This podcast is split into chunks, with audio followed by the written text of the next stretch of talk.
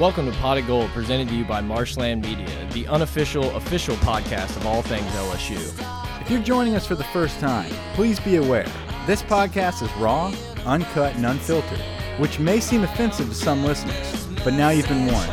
So sit back And relax as you're now entering Studio A with your host,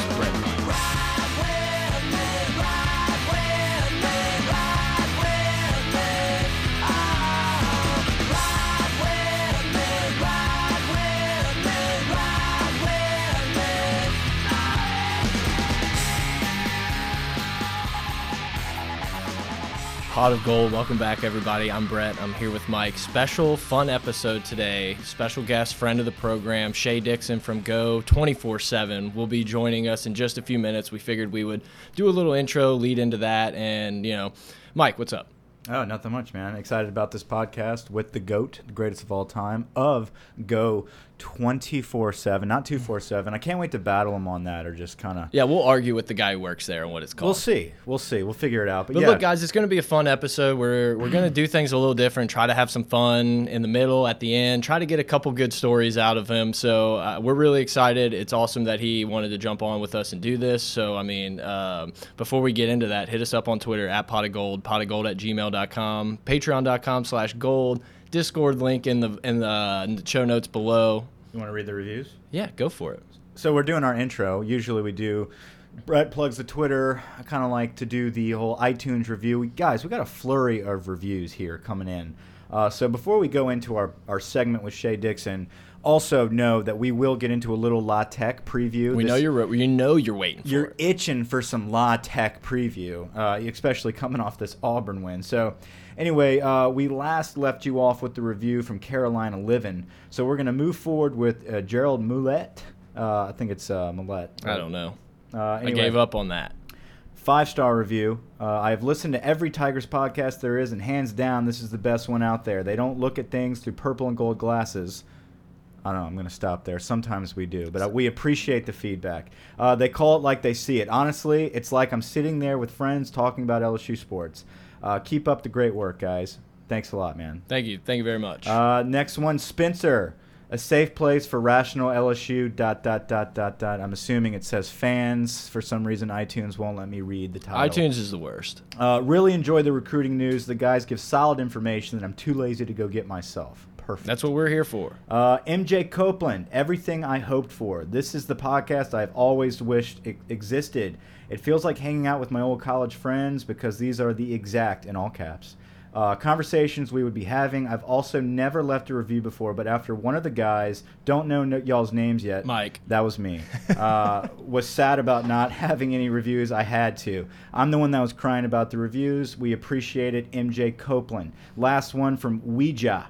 Um, best pod for LSU, greatest LSU podcast out there. I refresh, I refresh daily, hoping to see a new pod like a Christmas present waiting for me under the tree. Keep it up, guys, and go Tigers. I like that. Yeah. Everyone, thank you so much for the the kind reviews, the great reviews. It's just so awesome because the first thing we did when we started this podcast is we said we wanted to make it feel like people were just in the room talking with their buddies, like everyone does. We did it for years before we bought microphones, and so it's just really cool to have people have the intended feeling. And uh, we really appreciate the support, guys. There's also a Discord link below if you want to join in the chat. A lot of fun stuff going on in there, getting bigger every day. Um, yeah, I mean, La Tech, we're going to talk a little bit. We'll see what Shea wants to do. Uh, We're gonna mix things up. We're gonna have some fun. We're definitely gonna talk recruiting with Shea Dixon, as always. He is the greatest when it comes to recruiting information. So uh, we'll definitely be mixing it up with him with a lot of different things. We want to talk about LSU football as well, not just the recruiting, but our current roster, our current team. Uh, talk about kind of the first quarter of the season being over, um, and then maybe we get into some uh, personal stuff with Shea. Talk about some Netflix, music. Who knows? Uh, should be an interesting segment, and uh, we're about to dive into it. So, guys, sit back. I hope you enjoy it. All right, guys, here we are on the phone with Shea Dixon from Go 247. Yes, we are saying 247. We just spoke with him about it. We we got the go ahead. We got the green light. It can go either way. Um, Shea, we are here with Brett. I'm Mike. Happy to have you on board. First question, Mr. Jones or round here? round here, no doubt. Man, what about no Omaha? Doubt, no doubt, no doubt about it. I'm a big Omaha guy. I don't know. Yeah, I, it, but then Shea doesn't like it. Let's move on. Bail. No, no. It, whenever people, but it wasn't. Gosh, it wasn't Counting Crows. Who did the Omaha World Series song? OAR. Uh, back home in Omaha. Was it OAR? Uh, OAR. Yep. That's right. That's exactly what it was. Yeah. Okay. See that that that got played out for me. But I- I, Absolutely. like Omaha. Speaking of played out, Imagine Dragons is just crushing the ESPN songs lately. We made fun of it in an episode a couple uh, a couple weeks ago. I can't stand it. They ruin these great songs. Counting Crows, guys. The reason we're talking about this, we heard it through the grapevine. Shea Dixon is a Counting Crows fan, so if people are just like, "What the hell is going on right now?" I thought we were talking recruiting. We just kind of want to throw a little curveball in there. Counting Crows songs get played out all the time, but I have to say, round here in Mr. Jones, classics can't go wrong. Yes, August and everything after can't go wrong. Actually, I'll probably lose some followers or lose you guys some listeners here. but here's my hot take of the day Uh-oh. is they announced this week the Super Bowl halftime show is Maroon 5 and like Twitter blew up making fun of Maroon 5, hating on them. I think that they've put out two of the better albums over the past few years of all these pop kind of bands. So I think I am the only person who was like, okay, I could rock with that. Well, it's better than seeing Lady Gaga ten more times. You know, I mean, it's it's a change up.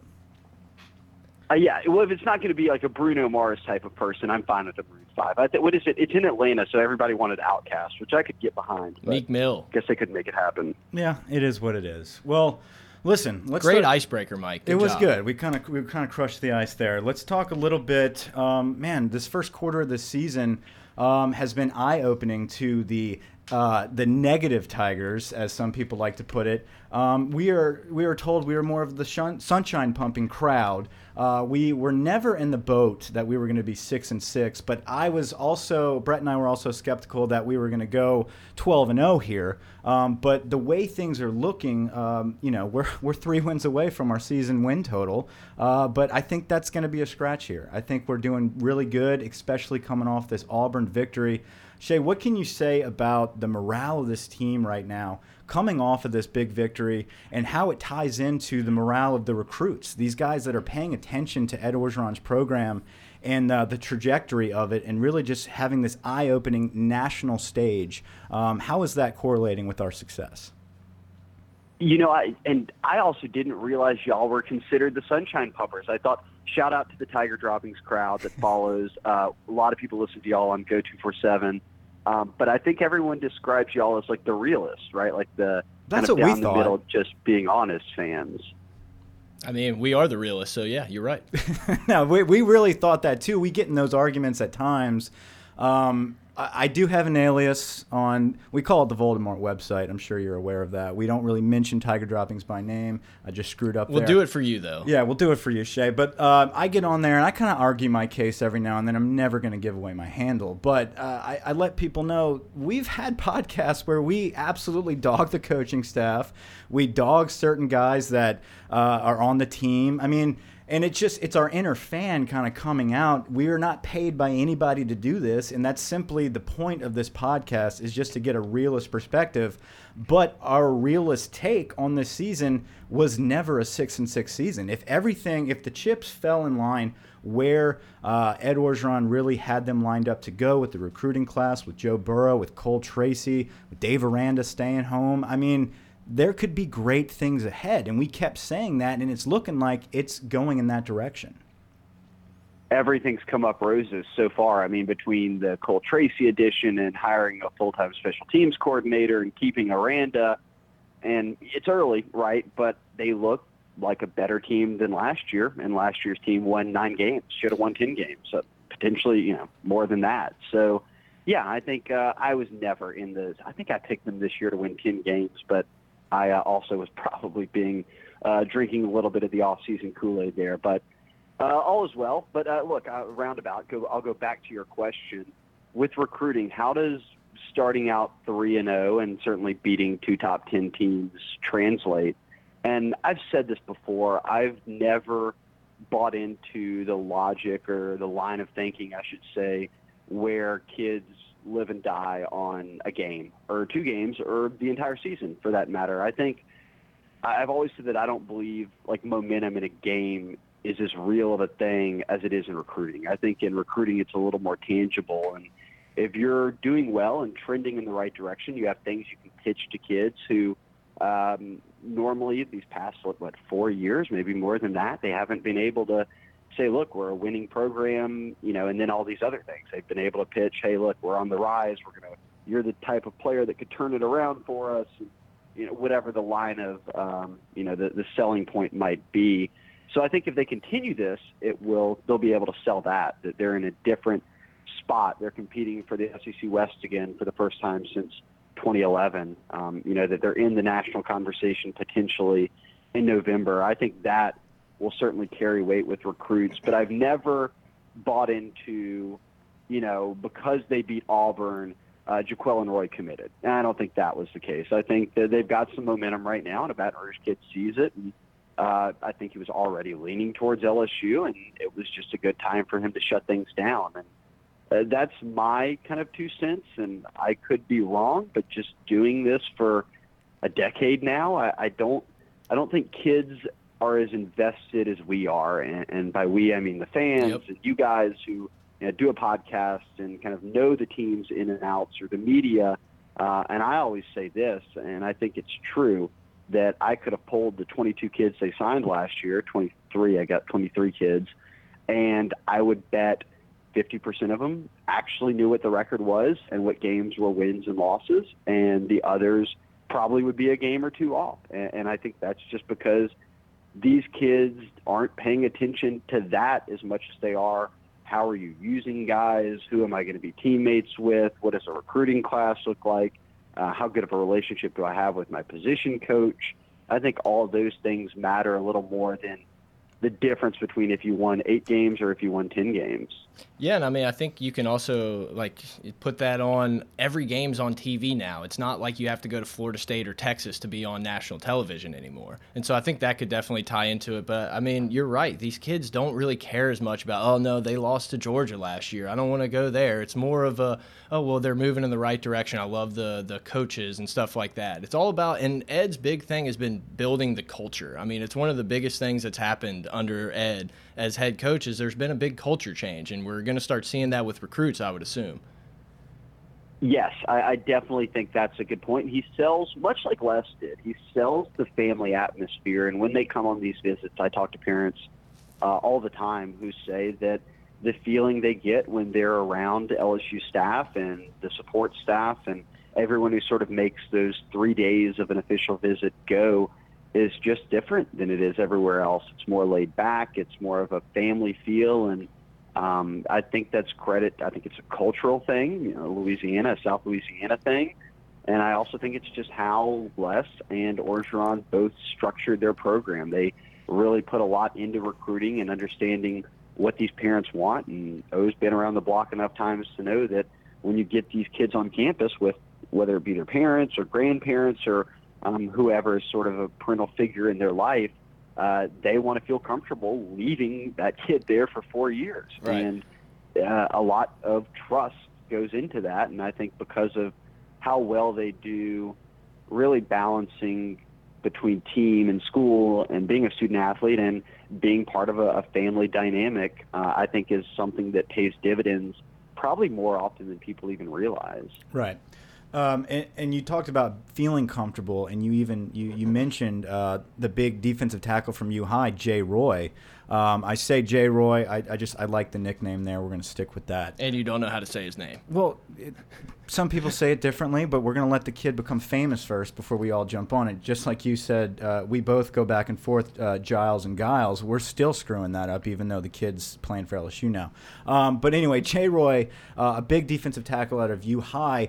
U High is just uh, blowing up. Uh, they've always been a pretty dominant program in the Baton Rouge area, having one or two guys here or there every couple of years. But it seems like lately um, they are just loaded. But I, I guess you can really say that about a lot of the Baton Rouge schools lately, with Southern Lab, um, U High, Dunham having the number one player in the country. I mean, uh, it's big to keep a guy home especially when most people automatically assume, oh, well, he goes to school basically on campus. Why can't he go to LSU? Why don't these kids want to go here? And I think what's overlooked is a lot of these kids grow up on campus. That's the exact reason they don't want to go there. They want a little change of pace, a little change of the atmosphere. Um, and to get a kid like this, especially at defensive tackle, where Ed is really focused on building those trenches, and that's never going to go away. It's not like his focus is building the trenches and then you know a couple years later we'll get back to it it's an every year thing he wants to establish so to get a kid in Baton Rouge, basically on campus, to commit mid-season, um, it, it, speaks volumes to the momentum, like you talked about. What can you tell us about this kid uh, that just committed? Yeah, and for I, I would bet most of the listeners know, like when you say U High's on campus, like it is literally on campus. It is in the, you know, kind of right in the middle of campus, right, right there across from the Law Center. So it, it, and I know people don't always believe this. I know everyone got caught up in the Dylan Moses thing, and people thought when he went to IMG for a year that that actually might help because he might, you know, miss home and or at least have that year away to feel out what it was like. But I do think what you're saying is true. I think a lot of these kids say, "Hey, I've already been on this campus for four years. Some of them more than that. Mm-hmm. And do I want to stay there? do I want to go out and try something new?" And sometimes that does work against LSU, but Roy getting on board was huge. And a lot of people, look, their senior class at U High probably has double digit easy guys who are going to play, whether it's Power Five, Group of Five, we're going to play D1 football somewhere. Most of them are already committed to do so or have offers to, to get on board with the program.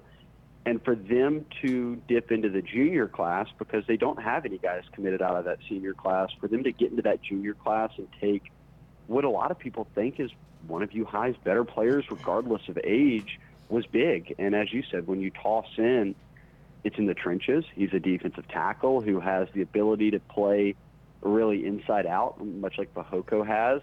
I think it's a huge addition. And for a long time, I mean, for his opening stretch of high school, Roy was getting by on just being bigger than everybody else, and he was athletic, and that was enough. And now he's really started to put a focus onto his technique and his pad level and understanding what it takes to eventually make that transition from high school football player to SEC football player.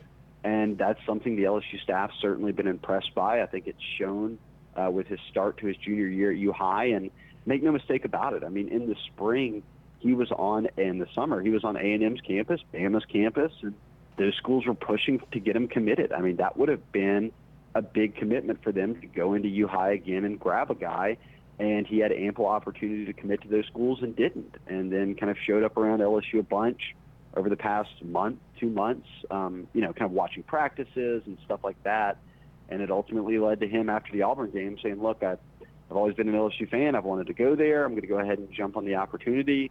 Uh, and now they've got four commits, a, a top 10 class, and certainly trending in the right direction for 2020 after a, a really good start to 2019, where they've always been in the top 10 from jump and, and are kind of inching closer, one commitment away from having 20 guys on board.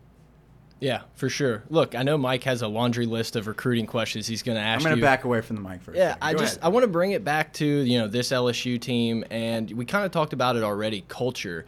And a lot of the people, you know, a lot of the people who were very anti Ed Orgeron from the start, all it was was, you know, he's just a PR machine. All he is is a hype machine. So I'm kind of curious, someone from your perspective who's been in every type of conference and all this stuff, what is the difference in that maybe media relations, public relations type of thing in the Ed Orgeron tenure versus the Les Miles tenure?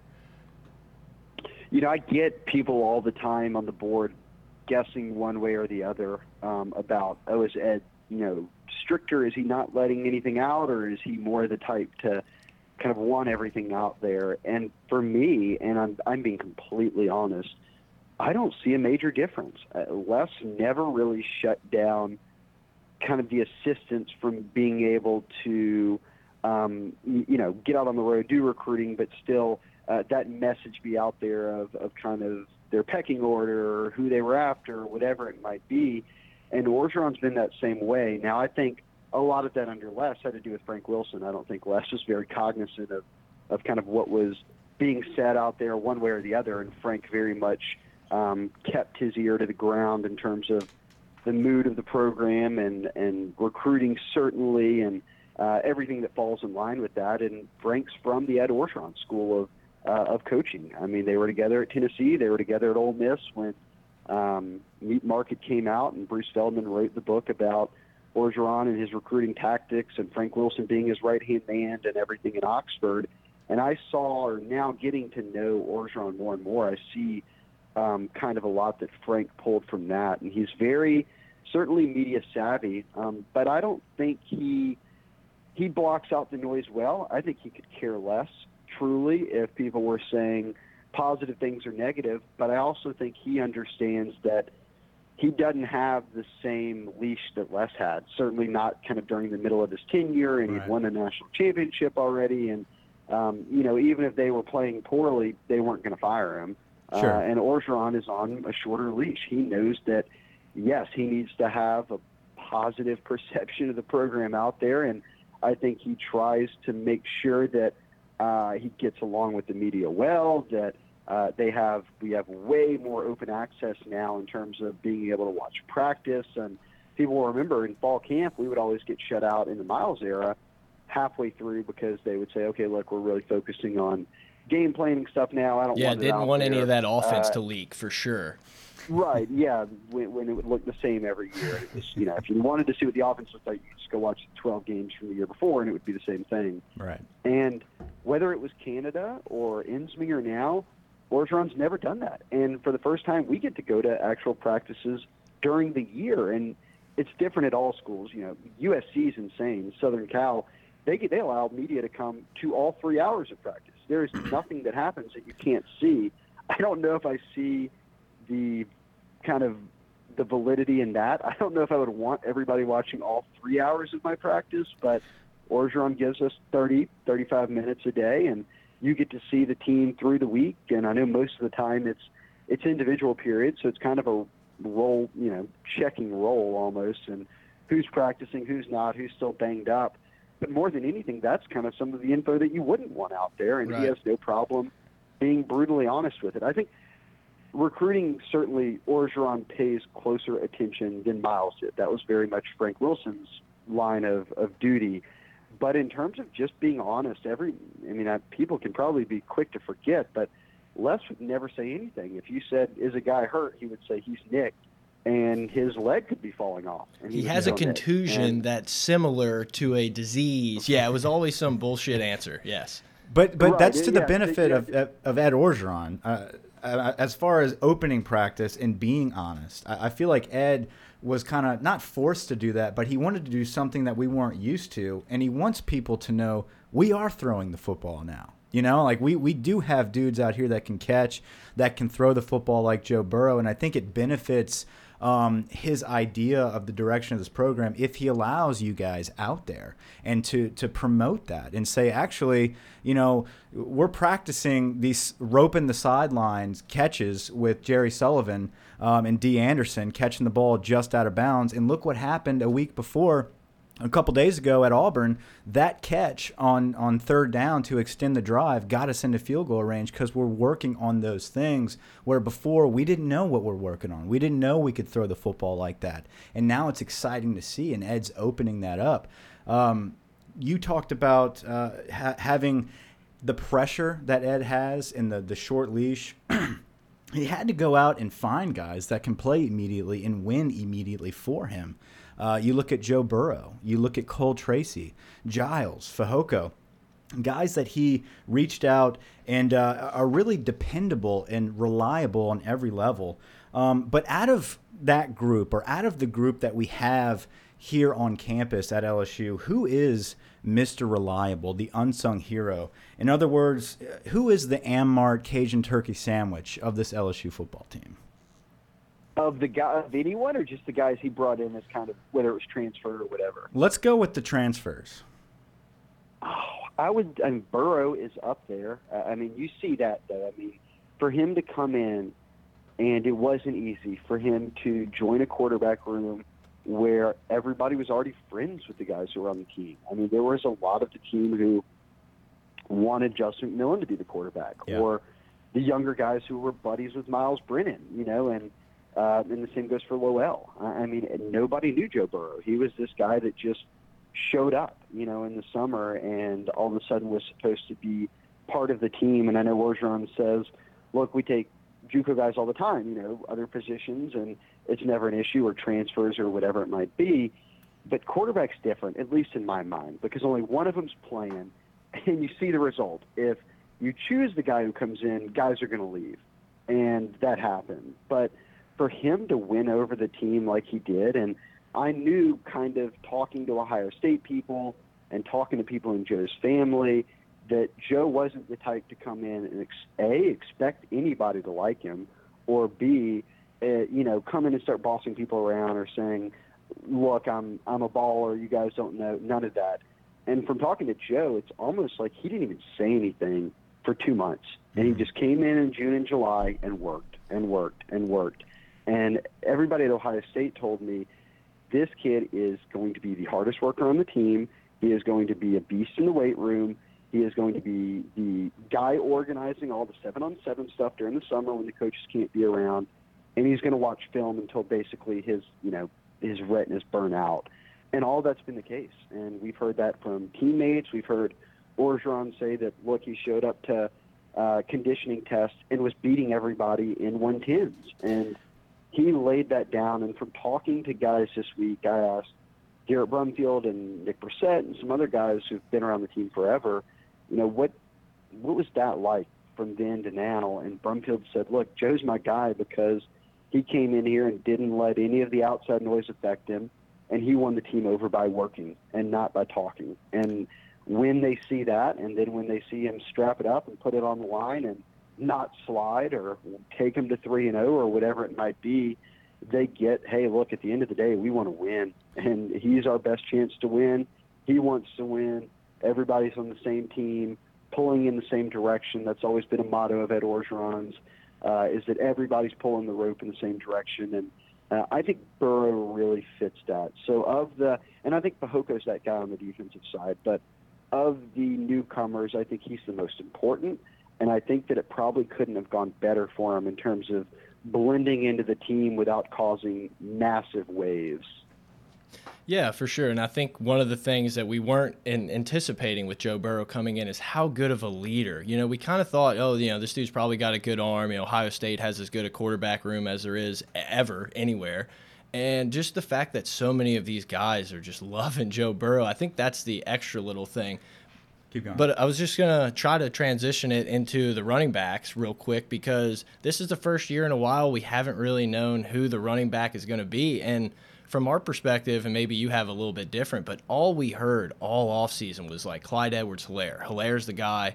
And Brossette was just kind of an afterthought. And then all of a sudden, you know, game one against Miami, he's our featured back. Well, you know, and I also, I, have got a little bit uh, something to say about that as well. And we talked about it on our storyboard bonus pod. Um, correct me if I'm wrong, uh, but from uh, what I think that is about is Clyde Edwards Helaire kind of fit the mold of what we were used to seeing the offense be kind of that downhill, that more power, pro style running formation. Um, he kind of fit that with his running style and his size, where Brossette just feeds off the zone. He feeds off the spread, spread them out, bigger splits, zone offense, running running through, uh, you know, reading the gaps. And ever whenever we see that now against Miami and Auburn, you can see the difference there. Where Brossette is feeding off of that zone play, where Helaire is more of that. Hey, give me the ball quick. I'm going to hit the hole. Maybe that has something to do with the emergence of Brossette. Um, maybe not. What do you see, Shea?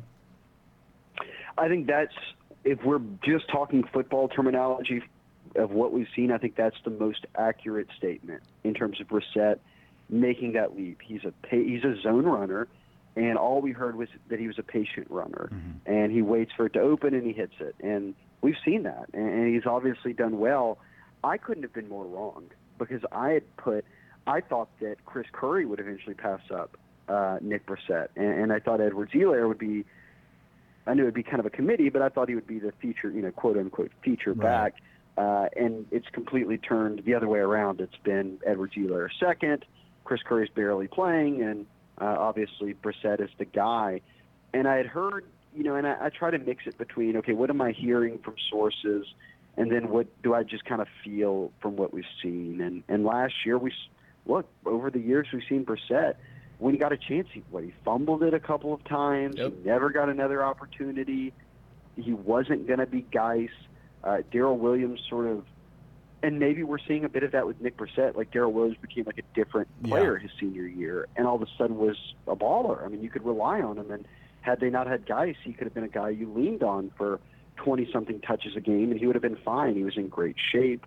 And I, the one thing I heard about Brossette in the summer was he was in great shape. And Yeah. He would have little flashes here and there in the spring and into summer workouts and into fall camp where they'd say, damn, that looks like the guy who owns a lot of Louisiana high school's rushing records Right. coming out of U High. But I didn't ever think he would turn that corner. And I think credit to Nick, he's done it. And he's had a couple of hundred yard games. I think that rushing for 70 against Auburn is maybe more impressive than both his 100 yard games Yeah. uh, just because he, he helped them out in a big way on last weekend. But I think one thing that kind of to wrap up that thought is that I asked Burrow. I said, "Were we were we just missing the boat on Nick Brossette, or is he better than you anticipated, or that we anticipated?" And he said, "Nick is playing with his hair on fire right now." He said, "I didn't see any of this in the summer." And we saw flashes, but all of a sudden he's consistently doing it.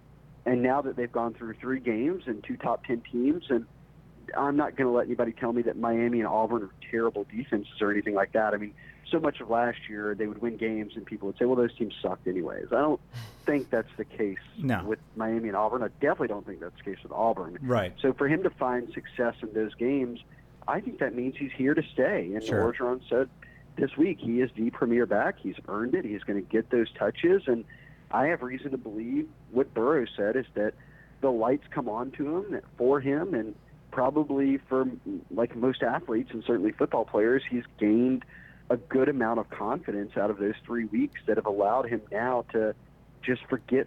Don't think about fumbling it. Don't think about am I going to get benched. And just go out there and do your job. Yeah, uh, with the running backs, uh, you know, LSU is always littered with running backs because of where we are uh, geographically. We're Louisiana is loaded with defensive backs and running backs. I mean, it, it happens every year. Some people would, would point the finger of, you know, where was our next big Fournette? And you know, some people could argue, well, he's playing linebacker. His name's Devin White. You know, but we do have Brossette here. Um, but this next class, the, the the recruiting class right now, Ty Davis um, is is in state along with Emery. Obviously, Emery's committed to Georgia, and that'll be a battle to the end. Um, you know, from the outside looking in, we're assuming we're going to continue to recruit the hell out of Emery. Uh, Noah Cain is another guy that's always in the mix.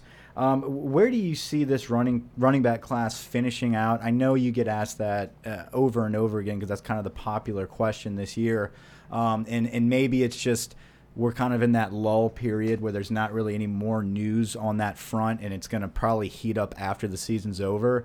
Um, but if you could predict a finish for this running back group, who would it be? Are we going to take three? Um, and if we are going to take three, is it those three? If not, who would be the next group coming up? And then to, to double up on that question, is it fair to say that uh, Kardell Thomas and Ty Davis are they in the same boat as La'el Collins and Jeremy Hill as far as comparisons go with teammates? You know, I I think that I guess I'll go running back first. Uh, I like Ty Davis a lot. I think he's we have him ranked as the number six back on twenty four seven. And I agree. I- He's a man. yeah. Yeah, I I think people, and that's just that happens when a kid commits early and he's from here. You kind of, you know, you're always focused on who do you need to get next, and you're not really putting incredible thought into who you already have. But he's a beast, and he will be a very good college running back.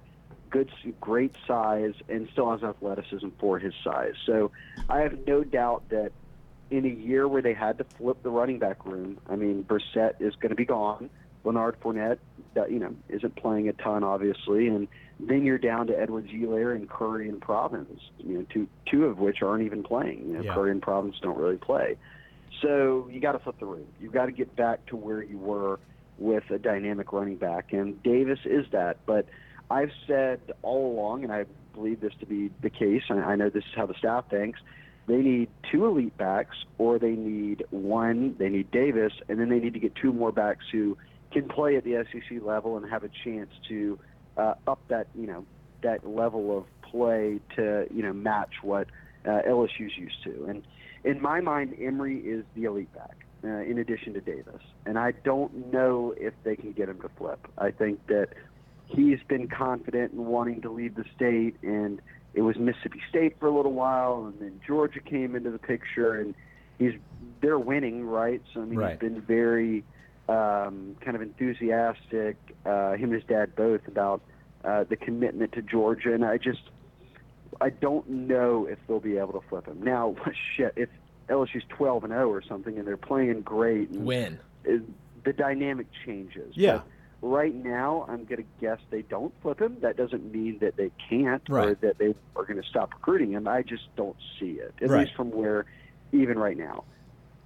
Move on to Noah Cain, and I think you mentioned another name to that, Trey Sanders, who is going to make a visit. Number one running back, the only running back rated higher than Emery Interesting. is Noah Cain's teammate. And both those guys are looking at LSU. I think Cain's probably been obviously the more realistic option. He's from Baton Rouge. Uh, he's been on campus a million times. Um, so I think that they're recruiting both of them heavily, and they're going to get both in for official visits. And I think both belong in the conversation as guys who are potential options. And then you move into this group of guys who are either have offers already or could get offers, and if things don't work out with Emery, or you don't think you're going to get Trey Sanders, or things look cloudy with Cain, you can move on to these guys and maybe take one or two of them, and then say, hey, look, maybe one of them will break through, and you have him and Davis. And one guy who just I just keep coming back to is Mike Hollins at U High, and he's one of the better backs in the country. I mean, he's a top 50 running back on across the recruiting services. He goes to school on campus. He has big offers. He wants to play at LSU. I think he probably commits to a Virginia or an SMU or kind of a mid-level school and gets his spot, which is not uncommon. And, and it's going to be even more common now with the early signing period and classes filling up earlier and earlier. So I still think that come December, if they reevaluate their running back board and don't think that they're going to flip Emery or don't think that they can get an IMG running back, that Mike Hollins is sitting front and center waiting on an offer. And he's played great to start his senior year. I don't see that slowing down. He's the bell cow and makes U High's offense really go. So for all those reasons, um, and the fact that he's simply talented, I just think that there's a chance we see him wind up in the class. But whether it's two or three, they're going to add more running backs because they they can't afford to only sign Terry, you know, Tyrion Davis. You have to find a way to get one or two more guys into the fold. So what about the Jeremy Hill, La'el Collins, Kardell Thomas, Ty Davis comparison? Has that been talked about? Yeah, well, uh, for sure, given that they're teammates and they're from Baton Rouge, and certainly they're the best O-line running back combo to come out of the city since then uh, for guys who are the same age. I think La'el was La'el was an offensive tackle coming out of high school. Obviously, he's probably best suited at guard at the NFL level, or at least with the Cowboys. He's been played his best ball at guard, but I think that Jeremy Hill is a good comparison for Ty Davis. For sure. I don't think that Kardell is as dynamic of an athlete as La'el was for his size. Kardell is a physical specimen. If he gets his hands on you, it's over. Yeah. He plays dominant in a phone booth, and he's a pure guard all the way. Can you imagine Um, being in a Dan- phone booth with Kardell Thomas? That image just wouldn't be able popped in my head. I'm gonna die. right. Um, I think more than anything, like I, I don't think Kardell's a guy that comes in next year and starts, but I also don't think he has to because they've got Damien Lewis back. We, Chasen Hines looks like a beast Yeah. against Auburn in the minimal, you know, amount of snaps we saw. Uh, we'll see what Charles and you know might be the right tackle again next year. Then you can move Magee inside or vice versa. So I mean, they've got options. You don't you don't want to have to have these freshmen starting uh, if you don't have to, and I think that will give Kardell time to get in a strength, you know, college strength program, trim up his weight some, and uh, as that comes along, he'll get a little bit more and more athletic and uh, be better and better as a pass pro guy. Which, and we've seen Damien Lewis, who is a junior and you know a beast. He still struggles in pass pro. It's just it's that much different when you're you know making the jump from high school or JUCO to college, and uh, that's with everybody. It's not it doesn't really matter if you're five star or three star or whatever it might be. But I like I really like Kardell as a guard. I think he's a pure guard, and I think he's going to develop into probably one of the more physical offensive linemen LSU signed in recent years. But I also just don't think he has to play right away, maybe as early as they needed Lyle. Yeah, for sure, for sure. Look, Shea Dixon, go two four seven, joining us. We're gonna mix it up, have a little bit more fun. I was trying to figure out how I was going to transition into getting a good Deli, uh, Ross Dellenger story out of you, and then of course I checked Twitter, and he's out at Cole Tracy's family's house checking out the new bar and stuff like that.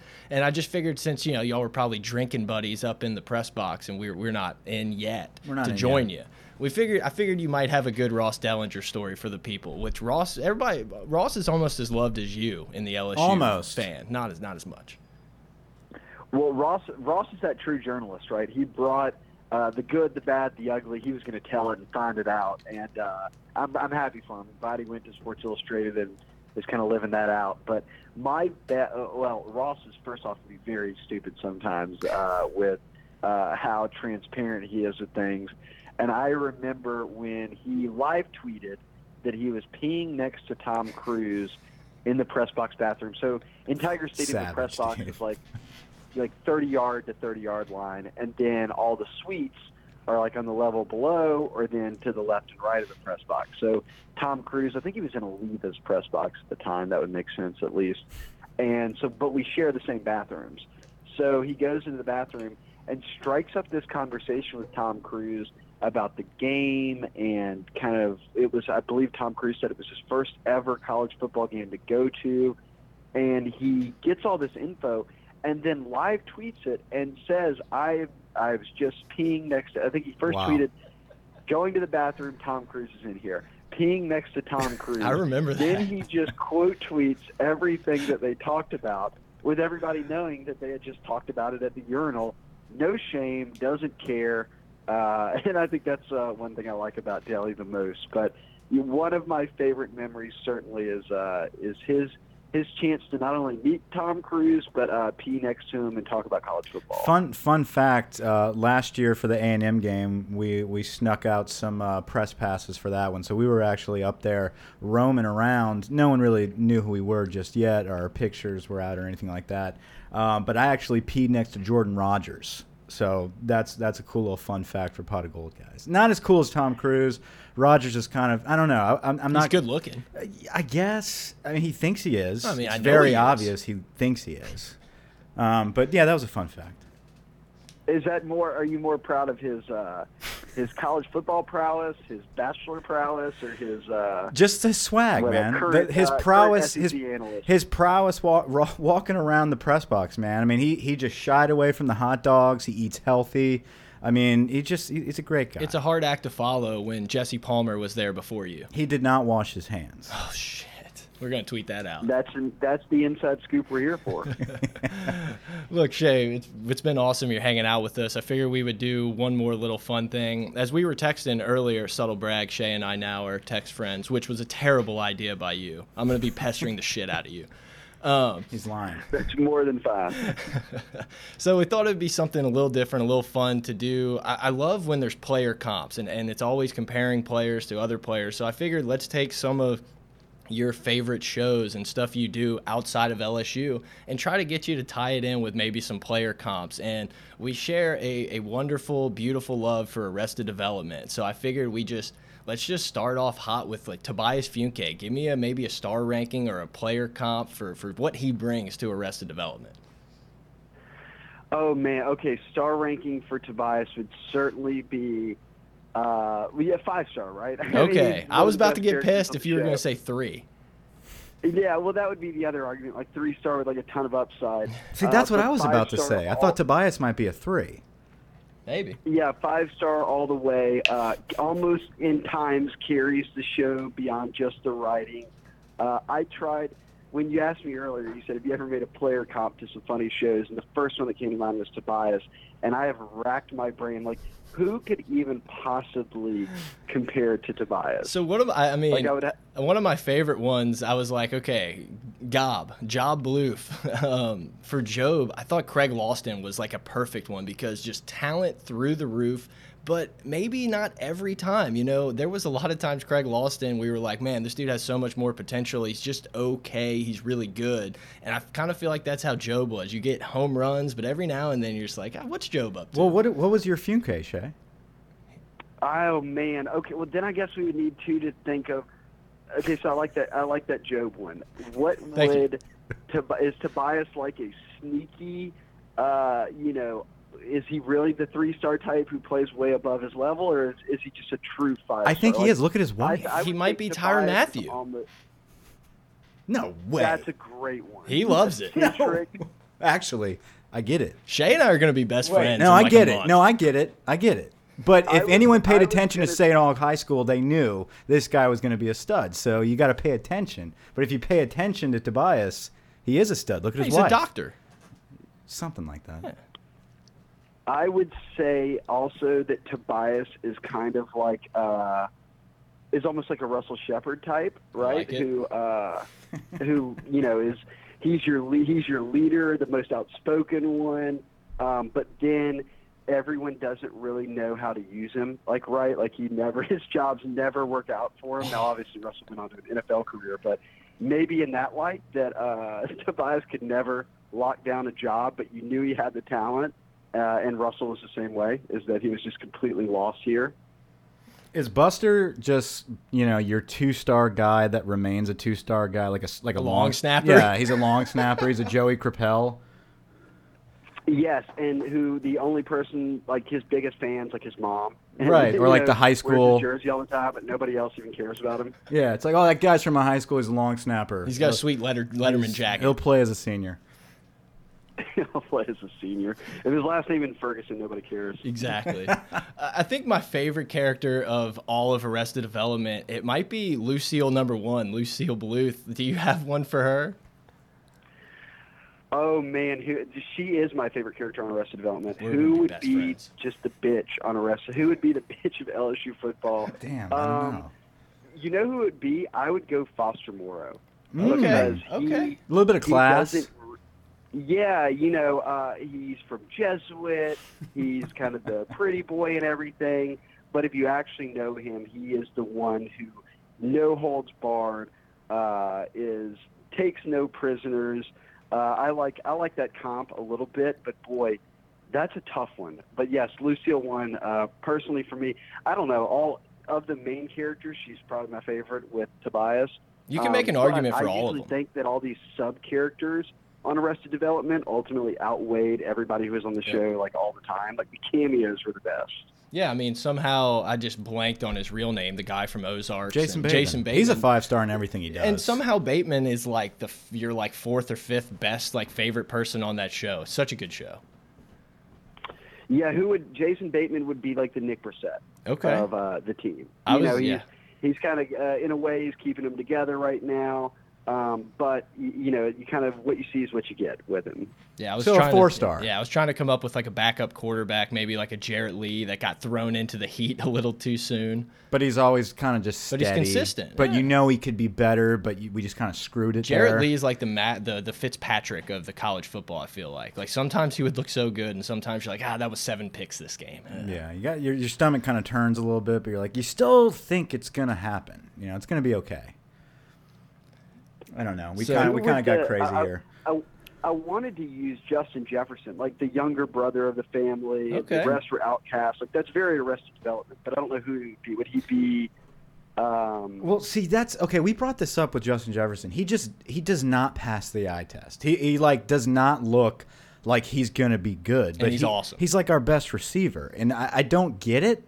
You know, it's like some we, we watch hours of football. I've watched years of LSU football. I haven't missed a play, and I don't know maybe since I was ten. But I, I've never seen a receiver come in that you're just kind of like, yeah. I mean, he might play as a senior. Same with Russell Gage, I guess. We are just like, nah, he doesn't look good.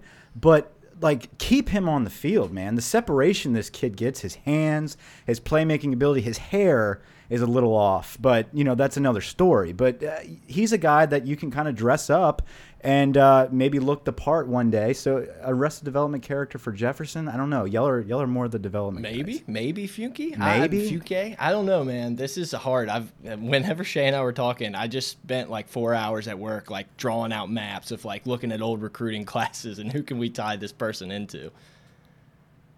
Oh, um, why am I blanking? What is uh, what is Michael's son's name? Why am I blanking Uh, on it? George Michael. George Michael. Uh, George Michael. Yeah, maybe he's a George Michael, right? Like I like it. the youngest one. That, and we obviously know that he goes on to a famous acting career, and uh, that was kind of his. And a great his app in youthful start. Facebook. Mm-hmm. That's right. Um, yeah, I'll say this on Justin Jefferson, not to take away from our fun pop culture references, that when Jerry Sullivan got here, um, and the passing game coordinator, you know, helping out the wide receivers, obviously, but he, from 30 years in the NFL, he, you weren't going to play if you weren't the most technically sound, who knew how to block, who was running perfect routes. And I remember it didn't take some. Someone told me this. This was probably in through a week or two of spring ball, and he said that Justin Jefferson's the best player on the team, on the best receiver on the team, and then the next best is probably six rungs below that to get to the rest. Wow. He was so confident that Justin Jefferson was so much better than everybody else that I bought into that a lot throughout the the off season, saying, "Look, I know nobody believes it, but Justin Jefferson's going to be a beast. He's going to be the guy." And um, I think a lot of that too is Burrow said when he got here. Justin was the one guy who was like, "Hey, you want to work? You want to work? You want to Yeah. go throw? You want to go throw?" Uh, and they've built that rapport. But in terms of route running, hands, separation, he is a ball. I mean, he's a baller. Yeah. and he's only a sophomore, and he didn't, you know, he didn't play a ton last year. But golly, what a! And uh, look, we we're far enough removed now that we can kind of laugh about it, but. Three sons in the family, all three of them playing different positions Right. in the SEC for one school, including a starting quarterback, is an impressive family tree. It doesn't get enough praise. uh, it really doesn't. No. And I think he's got, I mean, it's fair to say, I mean, he has a chance to be the best of all three. Yeah, absolutely. For sure. Look, we're going to do one more before we get out because we bonded over this character. Wait. But go for it, Mike. Is Jerry Sullivan Frank Costanza? We we talk. Me and Brett talk about Frank Costanza being Jerry Sullivan. It just seems like the guy that's just always in George's hair. But man, he's a he's just detail oriented, just always harping on the small things, and always just about to explode at any second. Plus, he's old and he wears sunglasses in the booth. A million percent he is the George Costanza. There is no better comp than Jerry Sullivan for George Costanza. He is all about the details. I think that the receivers half the time hate him uh, just because he's nonstop in their hair about everything. Um, I tell, I think he said one comment. I don't remember who it was to, uh, but in fall camp, uh, a receiver ran her out, and he said it all looked perfect until you got like until you started, like when you got off the line. so like literally from the second you started moving, it was terrible. So he is the most detail-oriented person. Um, and I joke that the receivers hate him. I think that they just know that uh, he rides their ass nonstop. But, and it shows. uh, and I it shows like on the field. and it shows on the field. I, I think certainly this is probably and look, granted, nobody's been pissed off more about the drops than him. I mean, he that kind of stuff keeps him up at night. But I think that we are at least seeing a wide receiver group um, that's going to be technically sound and good because they're finally leaning on him. You know, they're not having to only block anymore. Uh, they're actually getting the ball thrown to him a good bit. And if they can hold on to it, I think he'll trust them more and more. Yeah, for sure. So, all right, last one, Curb Your Enthusiasm. You know, it kind of goes in with the Costanza thing. Curb Your Enthusiasm, one of the best shows ever made. We got to do a player comp for the best character, Leon Black. Did you have one before I guess mine? So the thing about this one is, it's like easy to say somebody like a Rashan Gary, just that you know number one five star player. But Rashard Lawrence? Rashard, no, well, I mean, I just you know Gary from Michigan. Okay, I didn't Like, know if we were just- sticking with LSU. We Sorry, can. man. So, just Leonard go. Fournette. Sorry, Mike. Excuse me. Um, but this is a guy who came in and you know maybe season later on didn't start from the beginning. So I don't know if we have to look at a JUCO type of thing for this. I don't know. I was curious what you were gonna say. I was going to go with Brandon LaFell. And this is JoJo. a deep cut because when Brandon LaFell signed, he was the three star that was just friends with RJ Jackson. And they really wanted RJ Jackson. And so they took Brandon LaFell. and then obviously LaFell ended up being like the baller, and Archie Jackson like you know didn't pan out to obviously what people thought he was coming out of high school. But I think that when most like when Leon shows up on Curb and Larry David's like we're are you were you a part of the were you in the hurricane and she's like oh no he lives in la he's just here uh, i think that was like brandon lafell when he showed up everyone was like who and who are you? And he's like, I'm RJ's friend. You know, I'm part of the Simon class. I promise. I'm on scholarship. And, that's that's uh, gold, Jay. Develops into, to what's the best player. Uh, well, you know, one of the best players on the team certainly, and and uh, Leon in uh, beyond between Joe Pepitone and everything else uh, developed into probably one of my favorite TV characters ever. It's the best. Shea, listen, man, we're, we're approaching an hour here. I, I think we've had a lot of fun. Uh, we've had a blast doing this. Uh, thank you so much for being on with us. Do you have any last words before we, we get the heck out of here?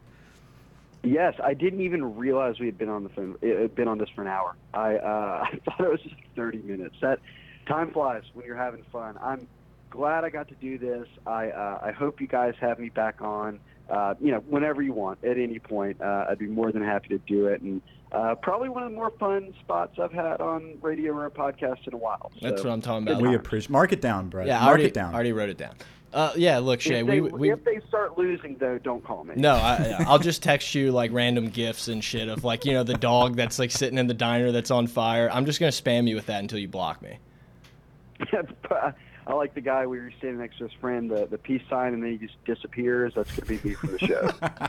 yeah, look, Shea, look, we would love to come to Baton Rouge and sit down in person for an hour or two and just, you know, really get after it. I think this was a lot of fun for us. You know, we hope you had a good time. Look, for the people out there, there's no one better in the business than Shea Dixon at what he does. Go 247, 24 7, however you want to call it. Just is great content. You know, we're going to eventually get a pot of gold little promo code out of Shea for this thing. You know, sign up for 247, promo code pot of gold, give you Shea Dixon's LSU Bama tickets. Greatest of all time, the godfather of recruiting news, the godfather of everything LSU. Shea, we had a blast. Thank you so much. Hope you guys enjoyed it. Hey, I appreciate the kind words, honestly, and uh, you guys are great. I'm I'm a listener. I have been start, so I appreciate it. Thank you, Shea. Thanks, have a good Shea. one. All right, we're back after a just a, such a fun interview with Shea Dixon. We hope you guys enjoyed it. It was a lot of fun for us. I know it was maybe a little scattered and we went all over the place recruiting, LSU, and then all of a sudden curb your enthusiasm. But we had a blast. Shea is a great dude. We can't wait to do more stuff with him. It was a lot of fun. Mike, is it time for a La Tech preview in 15 minutes, 10 minutes? Uh, maybe five. Five. So uh, listen, guys, we know we do the pregame pod, but we had a curveball segment thrown in there, uh, reference to curb your enthusiasm there there. But yeah, we had Shea Dixon on. I hope you guys enjoyed that. That was a blast. We plan on having him back uh, many more times to come. But uh, let's see, La Tech coming up this Saturday.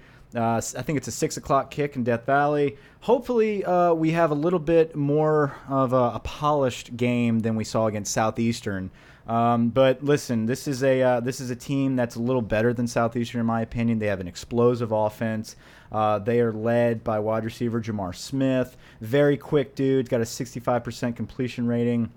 Um, honestly, look, uh, Skip Holtz is a great coach. The last time we saw Tech in here was Derek Dooley before the pants. Yeah. Um, and that was a tight game. Speaking of tight games, man, uh, they held Arkansas to a 21 to 20 victory. Arkansas beat them 21 to 20 in 2016. South Carolina edged them 17 to 16 last year. This is a team that can sneak up on you and score points. I don't anticipate that happening. They have an incredible playmaker in Amik Robertson, a guy, a freshman All American last year out of Thibodaux. Uh, he's got a lot to prove. He's going to want to be out there ball hawking, smacking people around.